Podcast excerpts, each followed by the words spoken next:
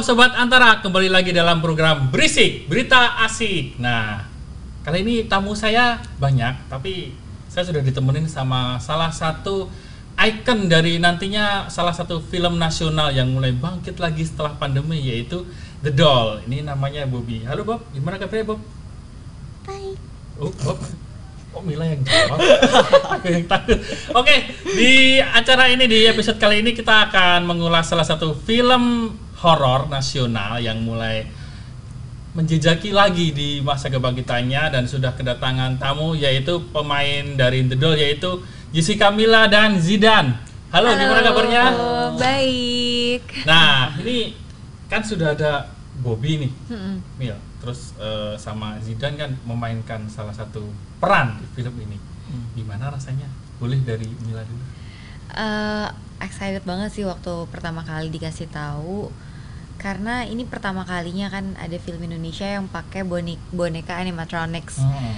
Jadi menurut aku eh, wah ini pasti challenging banget. Aku selalu suka sih menerima tawaran-tawaran yang challenging kayak gini karena pasti beda banget rasanya acting atau eh, beradegan bersama manusia sama boneka. Boneka. gitu jadi karena ini sesuatu yang baru banget buat aku ada deg-degannya tapi excited banget juga Deg-degannya apa?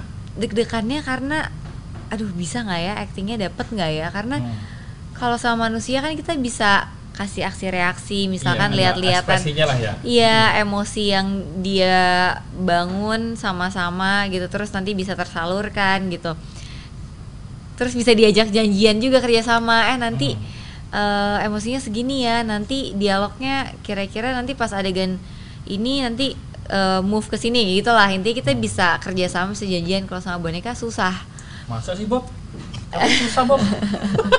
susah tuh. Dijawab kan dia dia juga. kan dia mukanya kan sebenarnya ya walaupun boneka Bobby ini di filmnya akan benar-benar bisa mengeluarkan ekspresi seperti layaknya manusia, Hmm. bisa bicara juga, bisa bergerak juga, tapi kan tetap Ketika pas acting itu kan emosinya kan beda Iya, sama betul. ngomong sama manusia kan, Benar, benar, benar. gitu. Jadinya jauh lebih sulit dan boneka an- animatronics ini eh, dia tuh dioperasikan sama beberapa orang, jadi kerjasamanya juga harus sama orang-orang yang mengoperasikan boneka ini Hmm. gitu kayak ada yang ngegerakin alisnya ada yang ngegerakin matanya Oh, berarti ekspresinya itu benar-benar bisa ini ya? iya jadi pakai ya? remote Oh, pakai remote. pakai remote gitu Dan animatronik kan salah satu teknologi pertama ya yang kalau Iya. digunakan di film di Indonesia Mm-mm, maksudnya. betul. Oke, oke. gitu Kalau dari Zidan sendiri sebagai pemeran Gian dan juga kalau tadi kan belum dikenalin nih. Kalau Mila sebagai Tara. Tara. Nah, gimana Zidan pengalamannya main di film The Doll? Eh, awalnya pas baca skrip pertama kali The Doll, aduh, ini tuh kayak eh, karakter si Gen ini bertolak belakang banget sama aku. Dia juga punya mental disorder kan, jadi ya agak lebih sulit buat nangkep karakter si Gian ini. Terus juga aku nggak terlalu banyak main sama sang boneka itu kan, jadi Hmm. ya susahnya itu di ketemu karakter aku sama si Gian itu sih. Yap, yap. Kakak adik kan kalau dalam Iya, betul. film itu eh, Iya. dan eh, tapi bener-bener kayak kayak kakak adik loh Oh soalnya. ya? Agak-agak mirip dikit gitu loh. kalau saya kan kayak omnya. Terus eh, dari Mila sendiri ada nggak sih pengalaman yang serem atau mungkin eh, agak gimana gitu selama film horor itu Kalau selama proses syuting Proses film The Doll 3 ini sih eh seingat aku nggak ada ya. ada. Heeh. Nggak Cuman aku dengar cerita dari kru-kru katanya ini boneka pernah pindah tempat katanya. Jadi Pindah. iya, jadi ditaruh nih pa- pada saat nggak di kan sebenarnya bonekanya Bobby itu ada beberapa. Mm-mm. Ada yang Oh, ada emang ada mesinnya, juga? ada Bob kamu punya stuntman Bob. jaga-jaga kan kalau Hmm. misalkan satu rusak kan iya, biar ada benar, spare gitu. Nah, pokoknya salah satu dari bonekanya itu pertama ditaruh di satu tempat tiba-tiba kok nggak ada ternyata pindah. Nah, ditanya siapa yang pindahin? nggak ada yang Hmm. pindahin. Jadi jeng-jeng gitu. ya, Itu sih. ya serem dong gitu loh. iya makanya Iya. semenjak saat itu jadinya kalau lagi nggak dipakai disimpan di dalam box gitu. Oh, jangan-jangan di box duduk-duduk. Terus eh untuk pendalaman karakter sendiri eh, baik nanti Zidane maupun Zidane sebagai Gian dan juga Mila sebagai Tara pendalaman karakternya ada kesulitan nggak untuk eh, kalau Mila kan sebenarnya suka explore ya kadang kalau di film sebelumnya kan sampai menggemukan Iya. bobot nah kalau ini tantangan untuk pendalaman karakternya apa Hmm, tantangan untuk pendalaman karakternya mungkin karena jadi singkat cerita film The Doll ini kan emang bercerita tentang teror dari bo- bo- boneka Bobby ini. Nah, awalnya itu sebenarnya aku yang bikin si Tara ini yang bikin eh, permasalahan itu muncul karena Hmm. Tara berusaha untuk masukin arwahnya Gian adiknya ke dalam boneka ini Hmm. setelah Gian meninggal gitu. Jadi ya kesulitannya adalah eh, banyak banget scene-scene yang emosional. Terus di sini ketika aku udah berhasil masukin arwah Gian ke dalam boneka Bobby, aku benar-benar harus ngomong sama dia kayak aku ngomong sama adik aku sendiri. Jadi Hmm. kayak ya kalau dimasukin ke akal sehat kayak ini orang agak nggak normal juga Betul. ya Dan- gitu. dan, itu boneka ya yang, Iya. yang ketika acting itu harus di aku depannya harus hidup gitu. iya harus bener-bener kayak ngelihat dia tuh sayang kayak sayang sama adik aku dan aku eh, menurut aku susahnya di situ apalagi ini sebenarnya cuma boneka yang eh, pada saat proses syuting juga banyak banget trouble-nya tiba-tiba dia mesinnya ada yang rusak lah harus dibenerin lah di tengah-tengah take gitu misalkan kayak emosi udah tinggi udah mau nangis tiba-tiba bonekanya bermasalah kayak gitu-gitu sih yang paling susahnya buat aku Hmm. Kalau dari Zidane ketika pendalaman karakter membaca skrip, adakah eh, metode atau pendekatan mengenai pendekatan karakter yang menurut Zidane, aduh cukup menantang nih. gitu. ya karena si Gian ini punya penyakit mental disorder Hmm. aku juga nggak ada kenalan yang punya penyakit itu jadi ya agak susah sebenarnya buat nge-explore-nya jadi ya eh, buka-buka YouTube ngelihat kayak kalau orang mental disorder tuh kayak gimana sih gitu-gitu aja sih Hmm. terus sama selama proses syuting kita juga kan kejeda banyak banget nah Iya. itu ngehambat banget sih dari pertumbuhan iya iya, sampai iya. tinggi banget jedanya tuh karena karena pandemi, Oh, jadi pandemi. kita sempat break syuting waktu itu lagi kalau nggak salah baru hari ke 10 atau pokoknya baru Semingguan. baru sekitar semingguan syuting tiba-tiba ada peraturan pemerintah yang PSBB Betul, pertama iya. jadi kita harus stop syuting terus ternyata kita break lama banget sampai 9 bulan karena waktu itu Iya. bener-bener ketat banget peraturannya nggak boleh ada keramaian sama sekali gitu benar, kan benar, benar. Gitu jadi kita sempat break syuting lama itu yang Berapa lama kira-kira? 9 bulan Iya, kalau nggak sembilan salah bulan? iya sampai Desember Oh, Iya, itu yang bikin susah sih karena kita harus recall lagi Iya, iya, karakternya benar. belum nah Gian itu kan masih dalam proses pertumbuhan kan. Kadang-kadang anak seumuran dia tuh dalam jangka waktu 9 bulan aja tuh tingginya udah bisa nambah. Oh gitu. Iya, oh, benar, jadi- benar. ini ya eh, istilahnya se- settingan pertama itu fittingnya seberapa? Iya. iya, iya. Pas tiba-tiba syuting lagi loh, kok tingginya sekarang udah mau sama. Terus suaranya juga udah mulai berubah Hmm. gitu. Jadi ya itu ya, mungkin Itu challenge buat kamu. Nah kalau The Doll sendiri kan ini sudah yang ketiga. Ya. Ada The Doll satu, dua. Nah ini kalau uh, boleh sedikit bocorannya ini ada kalau teman-teman nanti pengen nonton tapi belum nonton yang satu dan kedua itu harus nonton dulu atau memang ada trik Enggak. ceritanya? nggak Nggak ada apa sih. sih sebenarnya Heeh. ya. Jadi ceritanya memang nggak nyambung, tapi ada di universe yang sama. Dan ada dua pemain yang selalu ada di The Doll 1, 2, dan 3 yaitu Om Jeremy Thomas dan Kasar Wijayanto Hmm. gitu. Tapi kalau ceritanya sendiri emang beda banget, jadi nggak ada eh, hubungannya sama sekali. Jadi kalaupun nggak nonton yang pertama sama kedua, pasti tetap bisa enjoy sih enjoy nonton yang ketiga Hmm. Dan untuk yang udah nonton pertama dan kedua juga tetap harus nonton yang ketiga karena ini adalah the last chapter Hmm. Oh. dari The Doll jadi abis ini udah kayak ada lagi. jawaban yang belum terjawab tuh di sini mungkin hmm, nanti adalah ya. Eh, kita nggak tahu saya juga nonton.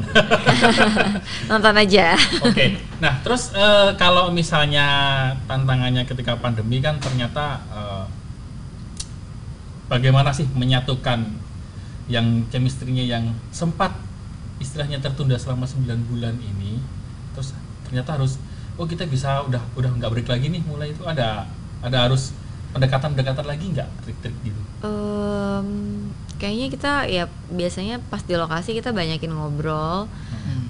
terus em, kadang-kadang masih suka kontekan juga sih lewat IG gitu sama pemain-pemain yang lain untuk supaya eh, tetap ada lah kebangun chemistry-nya gitu Kalau si Tara ini sendiri sebenarnya karakternya seperti apa sih?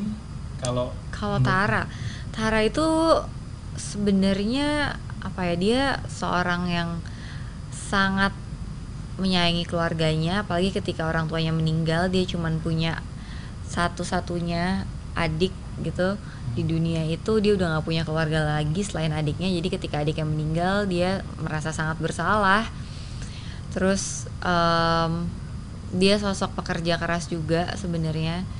Dan bisa dibilang eh, apa ya kayaknya dia sebenarnya secara secara mental juga nggak terlalu kuat. Karena ketika ditinggal sama adik satu-satunya itu dia seperti kayak menghalalkan cara-cara yang nggak wajar untuk demi supaya dia bisa ngomong lagi sama adiknya gitu. Hmm, sempat ke bawah mimpi gak sih? Misalnya aduh aku main film ini tadi ketemu sama Bobby terus ke bawah mimpi sampai kebayang-bayang horornya gitu. Hmm, kayaknya enggak deh. Nggak sampai? Kayaknya nggak sampai ke bawah mimpi.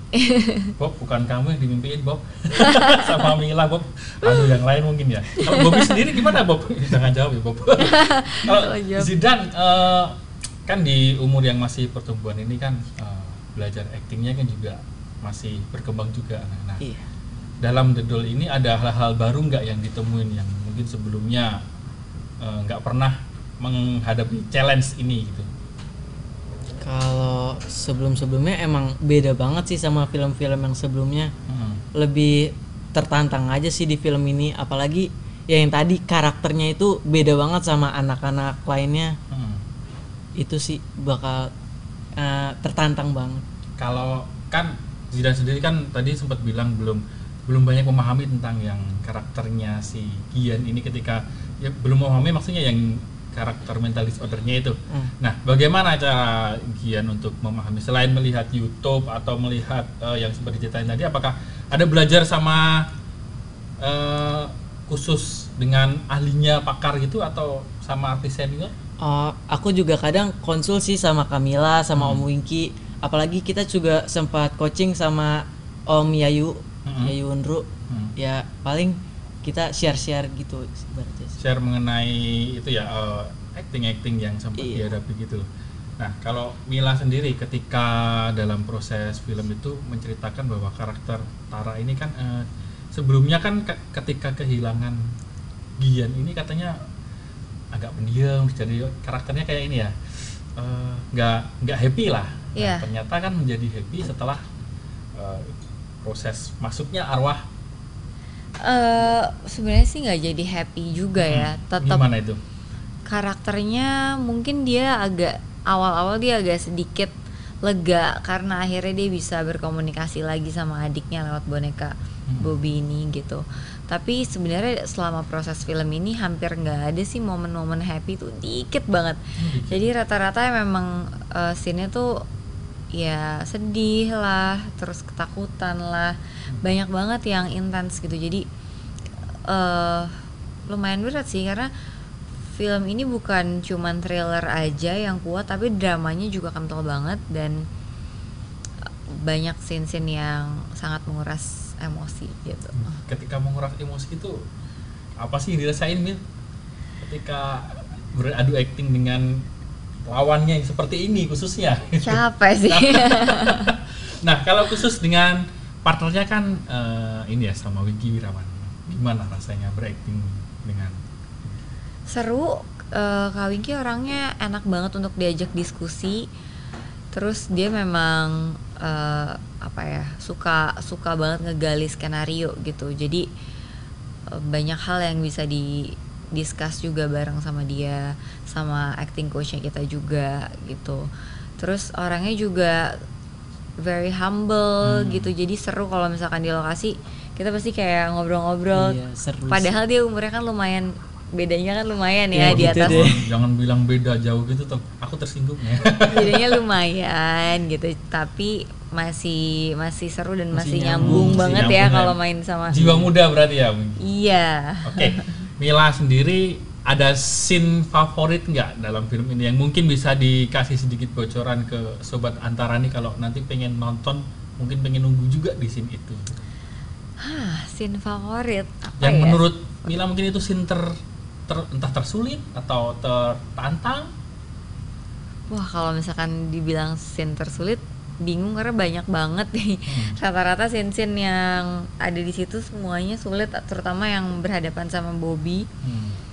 kalau misalkan dibilang scene favorit mungkin oh kalau misalnya dibilang yang paling susah kali ya Hmm, salah satu yang paling susah tuh mungkin scene ada di trailer juga scene yang aku sama Giselle atau di situ eh, nama karakternya siapa Giselle? Tiba-tiba lupa. Ah, aduh, Eh, eh, eh, Giselle siapa namanya?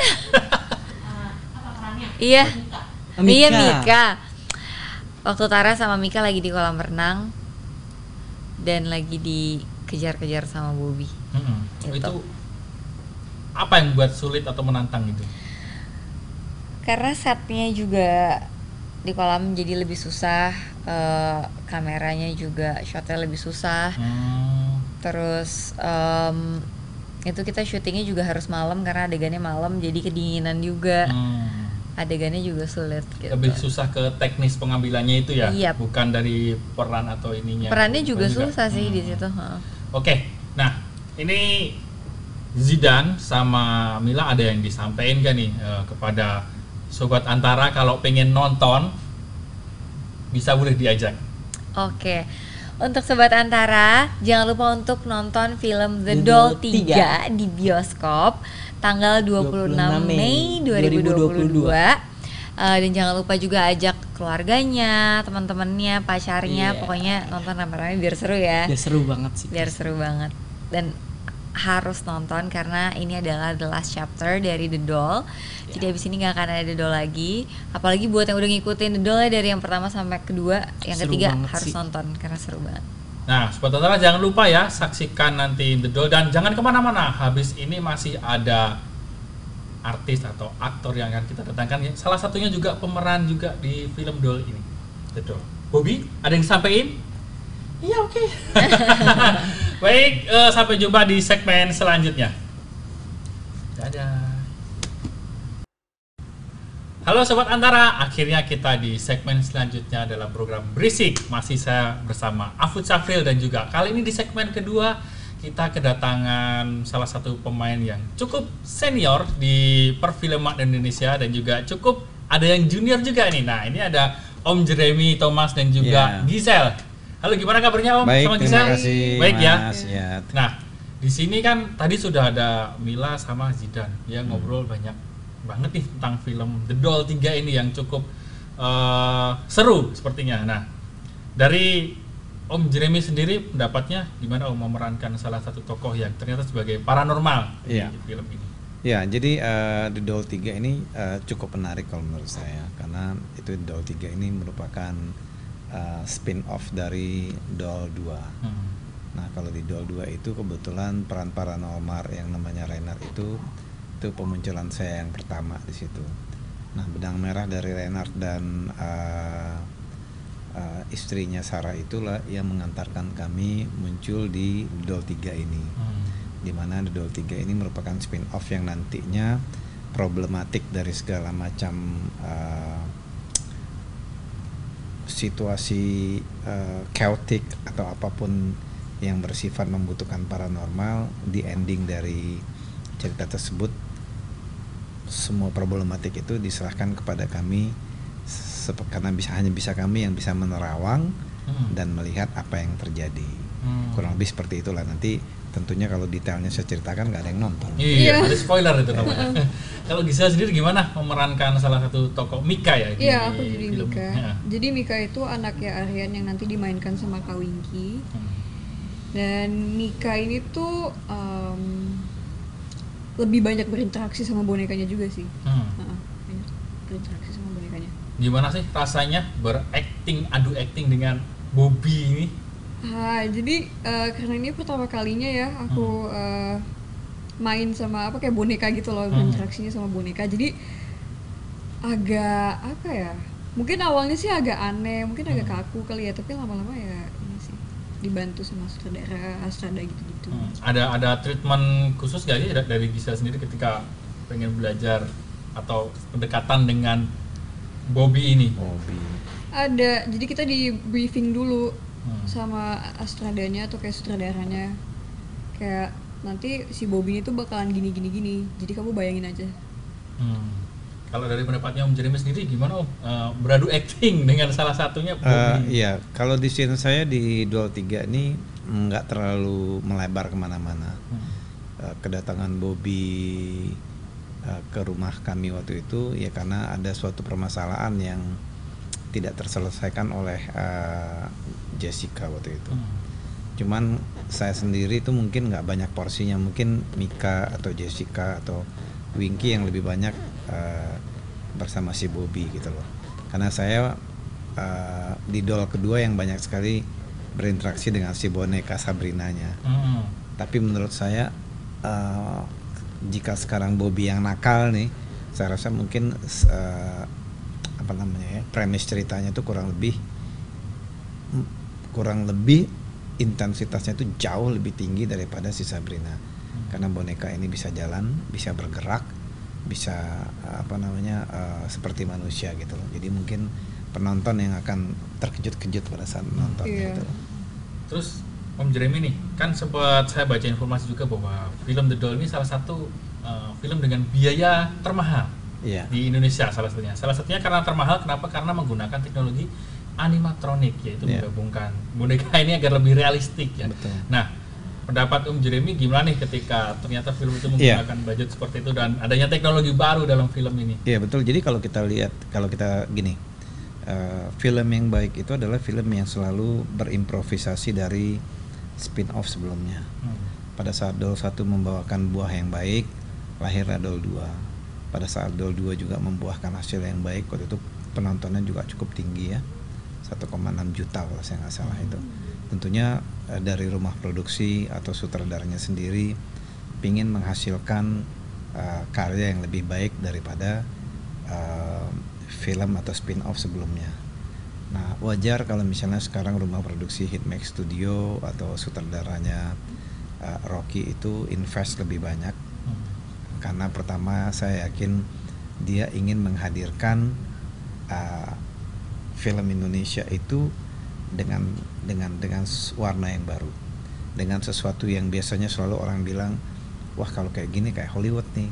Nah sekarang dia mencoba mengadaptasi tersebut dalam suatu uh, cerita Doll 3 dipakailah uh, teknologi penggabungan antara boneka yang bisa bergerak tentunya juga akan banyak CGI Hmm. dua elemen, elemen tersebut merupakan uh, elemen yang kalau di dunia perfilman itu uh, investasinya lumayan lumayan cukup tinggi gitu loh karena semua itu hitungannya by frame by second jadi uh, ini akan merupakan warna baru buat penonton Indonesia Uh, karena mereka akan mendapatkan sesuatu yang belum pernah mereka bayangkan bahwa film Indonesia apalagi dengan boneka yang seperti ini bisa menyerupai manusia kurang lebih seperti itu.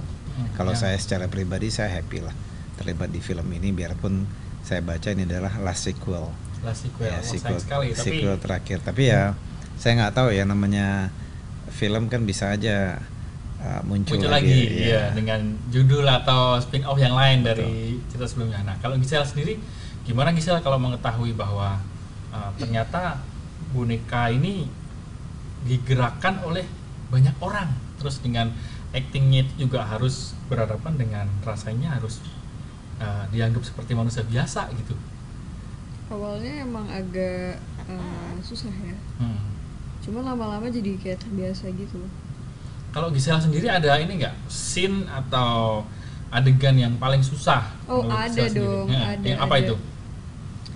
eh adegan ininya sih pas udah masuk ke adegan action actionnya gitu loh pas Bobinya Hmm. udah mulai apa sih kayak Ngejar gitu ya? ah, Atau- jar atau kayak pengen bunuh gitu. Itu udah itu susah itu susah. Dan itu nggak sehari selesai. Jadi ya. Berapa hari untuk satu scene yang mungkin dianggap seru itu? jadi eh, awalnya itu kita take malam kan. Nggak malam juga sih. Sebenarnya kayak sekitar jam 6 atau kayak jam 7 gitu. Mm-mm. sampai jam 12 lebih habis itu akhirnya kita lanjut besok lagi sampai malam juga Hmm. eh, enam jam ya 6 jam. satu Ya. scene 6 jam like more bisa Hmm. soalnya satu scene tuh banyak banget kan shot pecahan shotnya banyak Eh, pecahan shotnya tuh banyak dan Pak Rocky tuh pengen apa ya shot itu kayak bervarian gitu loh jadi ada shot dari sini dari situ dari sini dari situ gitu Hmm.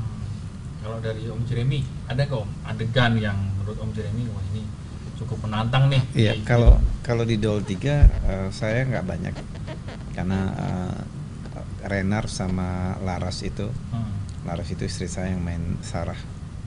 Itu kita perannya memang di Doll 3 ini lebih banyak sebagai penutup konklusi dari eh, boneka berarwah lah ceritanya gitu. Hmm. Tapi kalau kamu tanya di Doll 2, wah Doll 2 tuh lumayan PR yang lumayan cukup banyak buat Iya. saya gitu. Sangat luar biasa, cukup melelahkan secara fisik dan mental Hmm. gitu. Tapi ya no pain no gain, hasilnya kan cukup baik. Cukup baik. Nah, Dan mungkin banyaknya penonton. mungkin kayak Giselle nih yang di Doll 3 sedikit beruntung karena bonekanya udah bisa bergerak gitu. Jadi eh, Bedanya apa sih Om rasanya ketika itu? Iya dulu kan bonekanya eh, bonekanya kalau sekarang bonekanya bergerak kan berarti kan kemungkinan pemainnya eh, bisa mengimbangin atau bisa mengikuti ritmenya kan pas.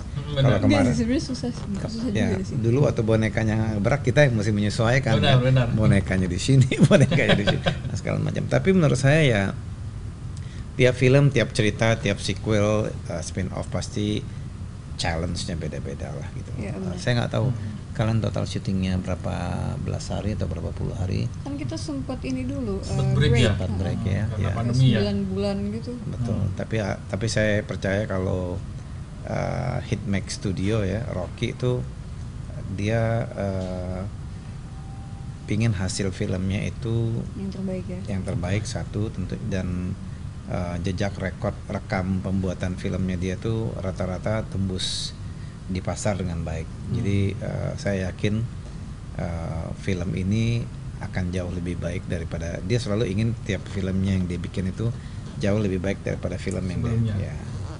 Kalau dari pendapat Om Jeremy sendiri ketika beradu acting dengan banyaknya talenta-talenta muda di Indonesia sekarang ini terhadap perfilman Iya. Indonesia dan juga Ah. teknologi baru juga ini gimana? Ya, gini, eh gini. Kalau bintangnya banyak, Hmm, bintang barunya banyak, berarti industrinya tumbuh dan berkembang. betul. Satu, itu berarti ada hal yang positif. Tapi kalau bintangnya itu-itu aja, berarti ada something wrong nih. Apakah kita kekurangan talent? Which is saya masih ngerasa Indonesia tuh kurang sekali talent. Hmm, Kurang. Film Indonesia itu kalau dilihat secara statistik pemainnya tuh nggak banyak. hmm. nggak banyak itu lagi itu lagi itu lagi itu lagi Masih dominasi gitu ya. iya itu salah satu kuncinya adalah didominasi oleh pemain yang itu. Artinya apa? Artinya ya apakah belum digali lebih banyak untuk talent itu bisa mendapatkan peran? Tapi untuk yang namanya eh, entry level atau pemula anak muda itu peluangnya besar sekali. Dan itu nanti eh, akan mengerucut di peran sama di usia tertentu yang harusnya menurut saya itu jangan mengerucut. Kalau terimanya di bawah itu besar harusnya di tengah juga makin besar di atasnya juga makin besar gitu. Karena varian film Indonesia itu luar biasa banyaknya. Hmm. keluarga eh, percintaan semi action. thriller Komedi. suspense komedi dan segala macam. Dan itu harusnya film itu semua semua umur semua genre gitu. Kan waktu saya kecil-kecil tuh film Indonesia tuh biasanya yang top dan terkenal itu ada tulisan tuh untuk semua umur gitu. Oh, yang Zaman dulu tuh batasan ada. umurnya. Hmm. zaman dulu tuh ada jadi Iya. kalau film yang untuk semua umur tuh biasanya tuh filmnya tuh meledak Hmm. kalau film yang 17 nah biasanya nah menurut saya eh, kita di sini eh, kalau saya sih happy ya happy bahwa eh, kalau talentnya makin banyak berarti industrinya makin tumbuh dan berkembang satu yang kedua hanya di showbiz itu gini di showbiz itu tidak ada istilah pensiun. Hmm. kalau di pekerjaan kan ada istilah pensiun tuh. Betul. gua pensiun nih umur 50 55 atau pensiun. Di showbiz enggak di showbiz itu kemampuan kita belajar dan mengasah acting itu nggak ada umurnya nggak ada batasnya. Uh, mungkin uh, Giselle 14 nanti mungkin dua tahun lagi dia belajar terus dia ngelihat dia ketemu dengan orang-orang dia baca skenario yang baik dia mendapatkan rumah produksi yang baik atau cerita yang baik ya dia akan belajar. Hmm. gitu loh. Uh, saya mungkin uh, saya dari uh, kalau sampai sekarang saya mendapatkan peran-peran yang menurut saya baik dan masih bisa saya kuali tingkatkan kualitas acting saya saya akan terus belajar gitu loh. Jadi uh, semakin besar industrinya semakin tumbuh semakin banyak yang baru-baru artinya itu baik buat industrinya. Hmm, Oke, Eh, terakhir nih buat Giselle sama Om Jeremy, boleh dong dipromoin filmnya The Doll sama Sobat Antara yang tanggal berapa mungkin tayang. Tanggal 26 Boleh sambil ini Om, Gendong Pegang Bobby ya? Oh, pegang iya. Bobby, oke. Kan dipromoin. 26 Nah, 26 Mei. ya oke, silakan Om Jeremy. Ya. Halo, saya Jeremy Thomas. Di film The Doll 3 ini saya berperan sebagai Reynard. Halo, aku Montserrat Gisel. Aku di sini berperan sebagai Mika. Dan jangan lupa untuk saksikan film The Doll 3 tanggal tanggal 26 Mei 2022. di sinema kesayangan Anda dan di seluruh bioskop di Indonesia. Indonesia. Jangan lupa nonton karena Bobby bakal gila. Ya. Bakal horornya nanti neror. Ya, Oke, Bob. Ya, terima Bob. kasih Sama-sama, Mas. Iya. Giselle dan juga Bobby udah mampir di podcastnya Antara. Semoga nanti filmnya meledak dan juga menghasilkan Amin. hasil yang bagus dan Amin. bisa menteror para penontonnya karena ini kan horor ya. Ya. Dan sobat Antara demikianlah podcast kita kali ini dengan beberapa talent dari film The Doll dan juga nantikan podcast selanjutnya di program Berisik Berita Asik di antaranews.com di YouTube Antara TV Indonesia, Spotify podcast Antara dan juga ada di program UCTV di channel khusus kesayangan Anda dan nantikan juga berita baik dan foto-foto antara foto selanjutnya di episode selanjutnya. Bye. Bye.